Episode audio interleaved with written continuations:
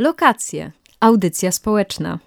Rozmawiamy z Agatą Jasiołek i Dominiką Jezierską z Koła Naukowego Studentów y, Architektury HSM. Cześć.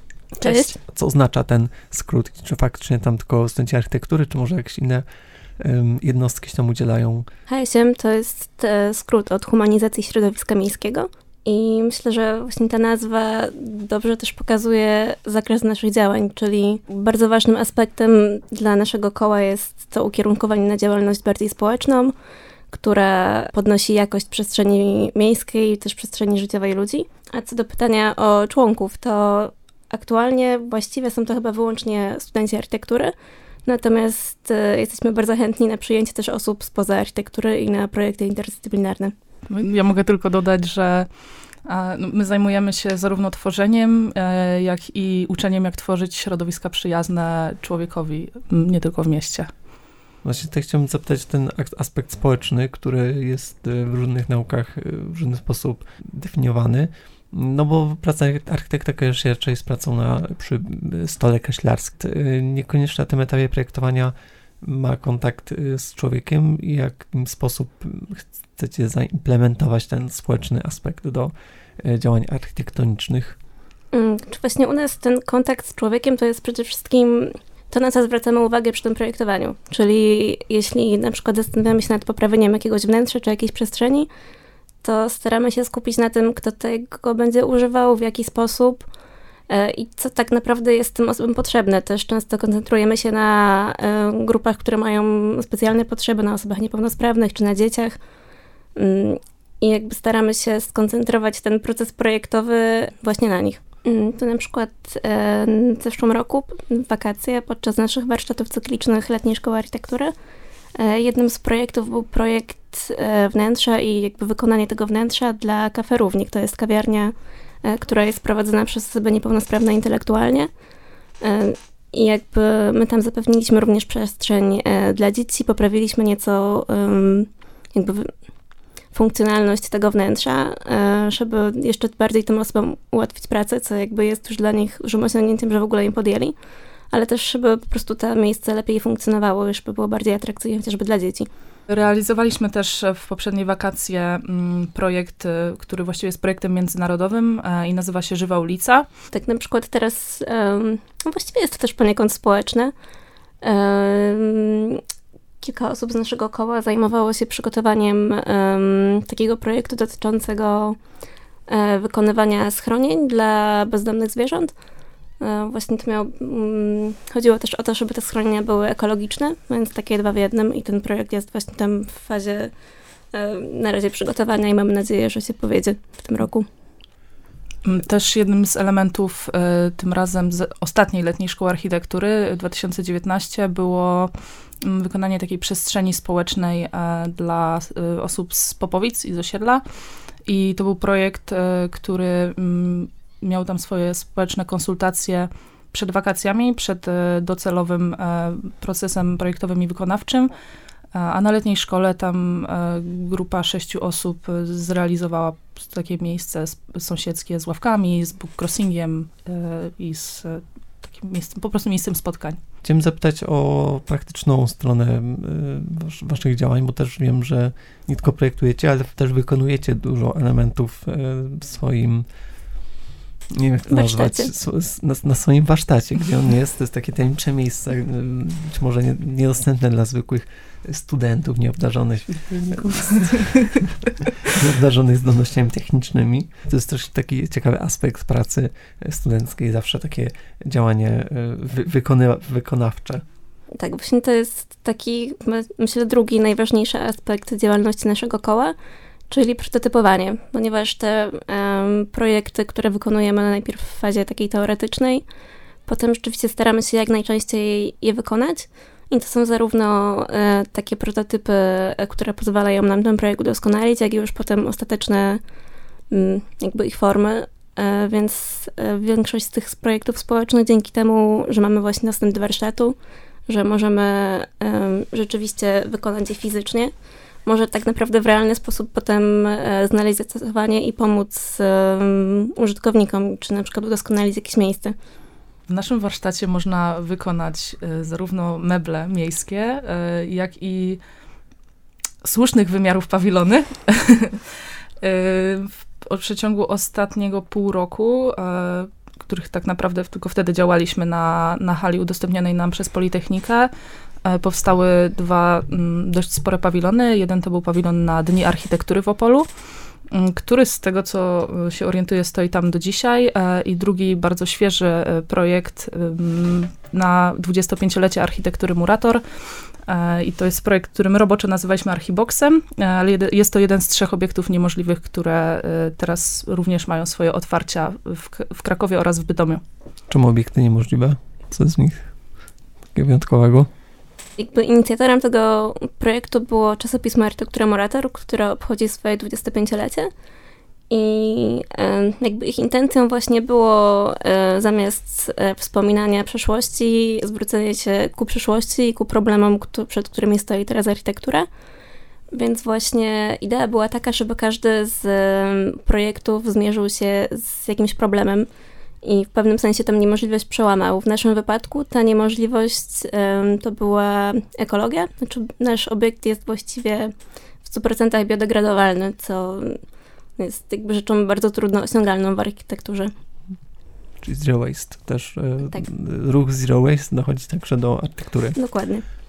Zero waste też można tłumaczyć bardziej, bardzo dosłownie, kiedy właśnie na y, warsztacie są jakieś elementy, z których później się wykorzystuje, żeby coś zbudować, albo czegoś brakuje i wykorzystuje się, prawda?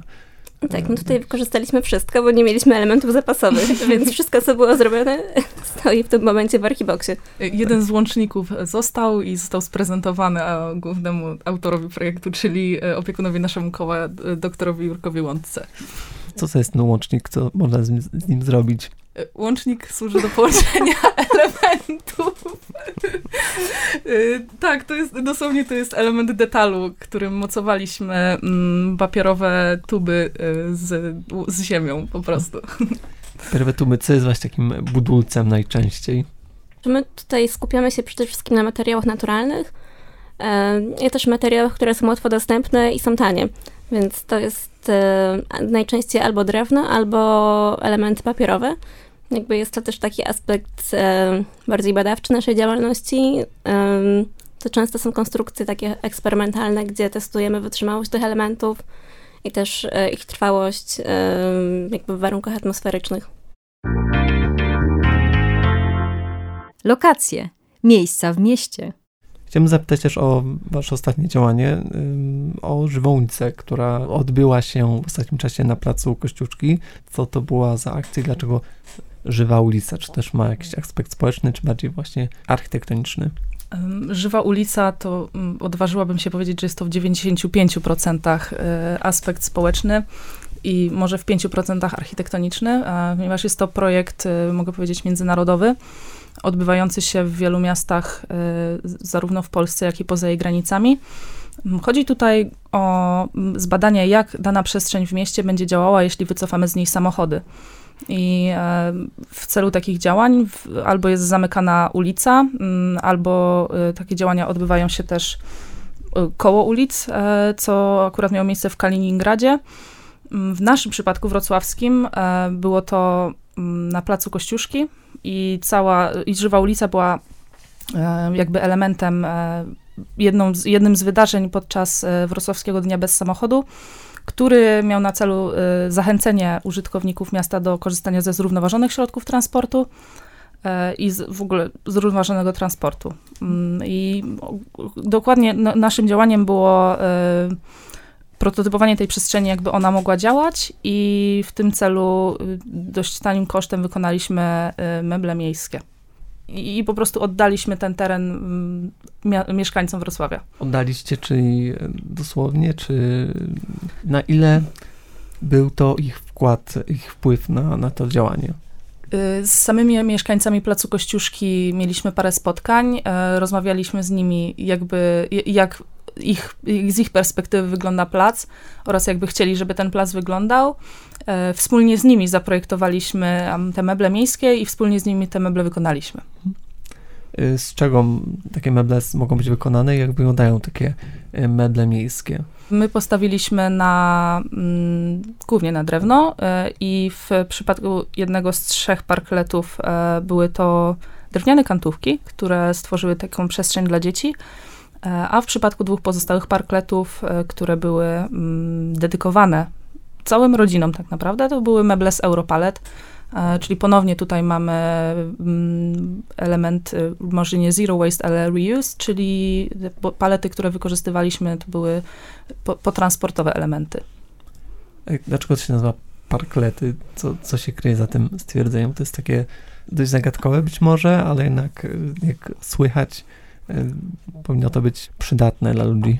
Parklet to jest element małej architektury, który powstaje na, zamiast miejsca parkingowego. Właśnie, żeby zamiast jednego samochodu, który blokuje ten, to miejsce, jednego bądź więcej samochodów blokującego miejsce e, nawet na cały dzień, e, daje się takie, e, taką przestrzeń dużo większej ilości osób, które w przeciągu dnia mogą z niego korzystać. I to są nie tylko miejsca do siedzenia, też niektóre restauracje mają swoje ogródki w postaci parkletów, czy może być to właśnie też miejsce dedykowane do zabawy dla dzieci? Gdzie, gdzie można zobaczyć takie meble miejskie poza, bo na Kościuszki było krótko, a czy we Wrocławiu są takie miejsca, które możemy podać jako przykład takich e, mebli miejskich na ulicach? E, we Wrocławiu można spotkać parklety na przykład na ulicy Włodkowica, tam parę restauracji ma swoje ogródki. Mm, jest też, znajdują się też takie miejsca na placu Kościuszki na stałe, mm, jednak w, w, na naszym wydarzeniu mm, w ogóle nie można było tam parkować. E, no a na co dzień, e, jak mieszkańcy Wrocławia wiedzą, jest to dość tłoczne miejsce, ale we Wrocławiu jeszcze do świadomości być może mieszkańców nie przyjęło się to, że jest to bardzo dobre rozwiązanie no, może y, tutaj trochę przesadzam, że się nie przyjęło, ale zdecydowanie częściej takie rozwiązania są wprowadzane w krajach zachodnich, gdzie już ludzie bardzo mocno stawiają na komunikację miejską i większa część społeczeństwa jest przekonana do tego, że miasto bez samochodów to może być zdrowsze i przyjaźniejsze społeczeństwu miasto. Co możemy zrobić jako no czy architekci, czy, czy w ogóle uczeni, czy, czy może socjologowie, czy urbaniści, żeby przekonać ludzi do tego, do tych nowych rozwiązań, bo to wiadomo, że być może nie są one jeszcze tak dobrze znane. Co możemy zrobić, żeby przekonać ludzi do takich nowych rozwiązań? Wydaje mi się, że tutaj bardzo istotne jest też nastawienie mm, w ogóle projektantów i wszystkich osób związanych z tym całym procesem projektowym, bo wciąż myślę, że to jest takie dość. Mm, my teraz o tym mówimy i wydaje nam się, że to jest takie popularne, to w praktyce chyba jest wciąż dość niszową kwestią.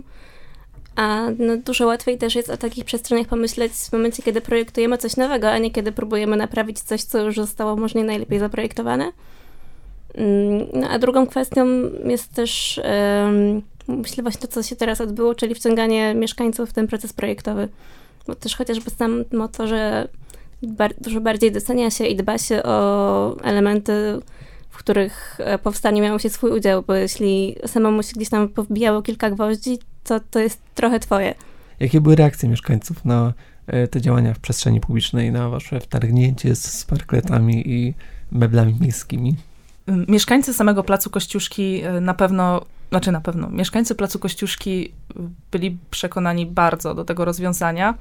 E, z jednej strony podkreślali, że oni z tych parkingów na Placu Kościuszki korzystają, ale z drugiej strony to, jest, to był inny Plac Kościuszki tego dnia. E, ja osobiście czułam się tam, jak znając dobrze to miejsce i przejeżdżając przez nie często, ja miałam wrażenie, że jestem w innym miejscu, w tym, mimo że w tym samym mieście, to że jestem na kompletnie innym placu. I jak rozmawiałam z mieszkańcami już na samym wydarzeniu, to oni podzielali tę opinię i że ich marzeniem by było, żeby ten plac tak wyglądał. Lokacje łączą społeczności. A ogólnie jak wyglądają te relacje pomiędzy um, architektami a mieszkańcami, że w jaki sposób mieszkańcy mogą może coś podpowiedzieć, czy włączyć się w ten projekt, y, proces projektowania, nie, nie tylko tych parkletów, ale ogólnie, jeśli pracujecie nad jakimiś działaniami. Znaczy tutaj też zależy o jakby którym etapie projektowania mówimy, bo to jednak najczęściej, jeśli budujemy na przykład nowe osiedle, no to nie mamy jeszcze tych mieszkańców zwykle, więc to jest w tym momencie musimy trochę zgadnąć, czego oni będą oczekiwali. Albo nakłonić ich do tego, żeby oczekiwali tego, co my chcemy im dać, no co jakby jest, może wyjść różnie. Mhm. E, natomiast jeśli mówimy tutaj o jakichś przebudowach, adaptacjach, czy jakbyś poprawie jakości przestrzeni, e, no to myślę, że to byłoby bardzo dobrą praktyką, żeby rzeczywiście z tymi osobami współpracować. Jakby z drugiej strony też um, nie zawsze mieszkańcy mają świadomość, co tak naprawdę jest możliwe, więc to nie może się sprowadzić do jednej rozmowy, tylko raczej musi być jakimś procesem takiej wymiany też informacji, żeby oni mieli czas zastanowić się nad tym, czego właściwie potrzebują i y, co jest realne do zrobienia, co jest zupełnie niemożliwe. Mm, a też projektanci trochę włożyć swojego doświadczenia, co się zwykle sprawdza, a co nie, i jakoś znaleźć w tym kompromis. Gdybyście mogły opowiedzieć też tak, zachęcić być może do działania w e, HSM-ie, co, co robicie na co dzień? Jak wygląda wasza, wasza codzienna e, praca, wasze codzienne działania w waszym naukowym w HSM-ie? Co tam robicie? Takich działań cotygodniowych e, może nie ma, że spotykamy się i zastanawiamy się, co by tu dzisiaj porobić, e, ale głównie idea koła opiera się na tym, że realizujemy konkretne projekty.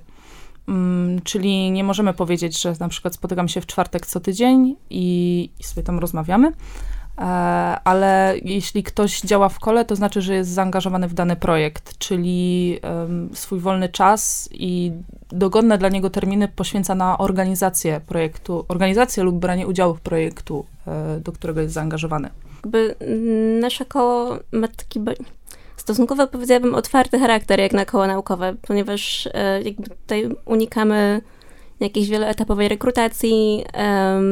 Bardziej zależy nam na osobach, które rzeczywiście mają albo ciekawy pomysł, albo po prostu chęć do zaangażowania się w jakiś projekt. E, więc właściwie każda osoba, nawet e, osoba, która nie jest związana z architekturą, ale gdzieś e, taki temat jest jej bliski albo po prostu interesujący i chciałaby dowiedzieć się czegoś więcej, mm, jest u nas zawsze mile widziana i mm,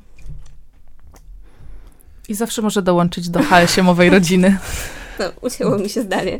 Bo jeśli budujecie takie realizacje, czy prototypy, czy portrety, e, czy różne takie rzeczy, które staną później w przestrzeni publicznej, wiąże się to z dużą e, pracą, taką fizyczną. Jest to ciężkie, są te dykty i, mhm. i europalety i ozby.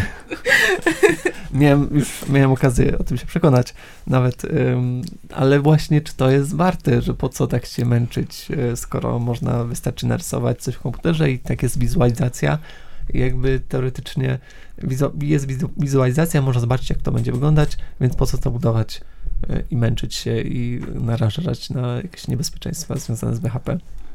To jest bardziej kwestia y, hobby niż tego, czy musimy coś robić, y, ponieważ każda osoba, która jest zaangażowana w budowę, po prostu czerpie z tego radość.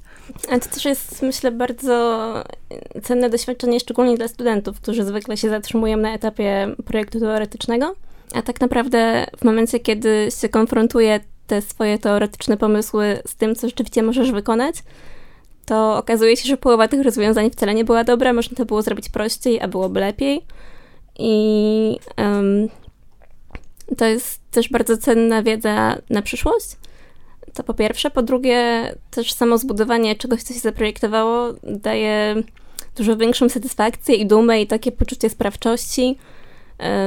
Jest takie, powiedziałabym, podbudowujące i zachęcające do tego, żeby jeszcze szerzej tam zakroić swoje działania to jest taki moment, w którym najpierw, najpierw, przekłada, najpierw głowa przekłada twoją intencję przez rękę na kartkę. E, potem widzisz coś na tej kartce, nie wiesz, czy jeszcze wymiar jest dobry, więc sprawdzasz to w komputerze.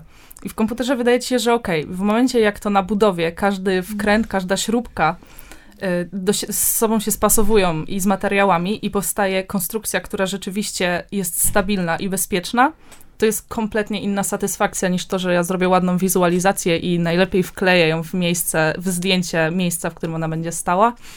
Więc myślę, że to jest też ten element najbardziej zachęcający do tego, żeby jednak prototypować, a nie tylko pozostawać na etapie teoretycznym. Lokacje. Audycja społeczna.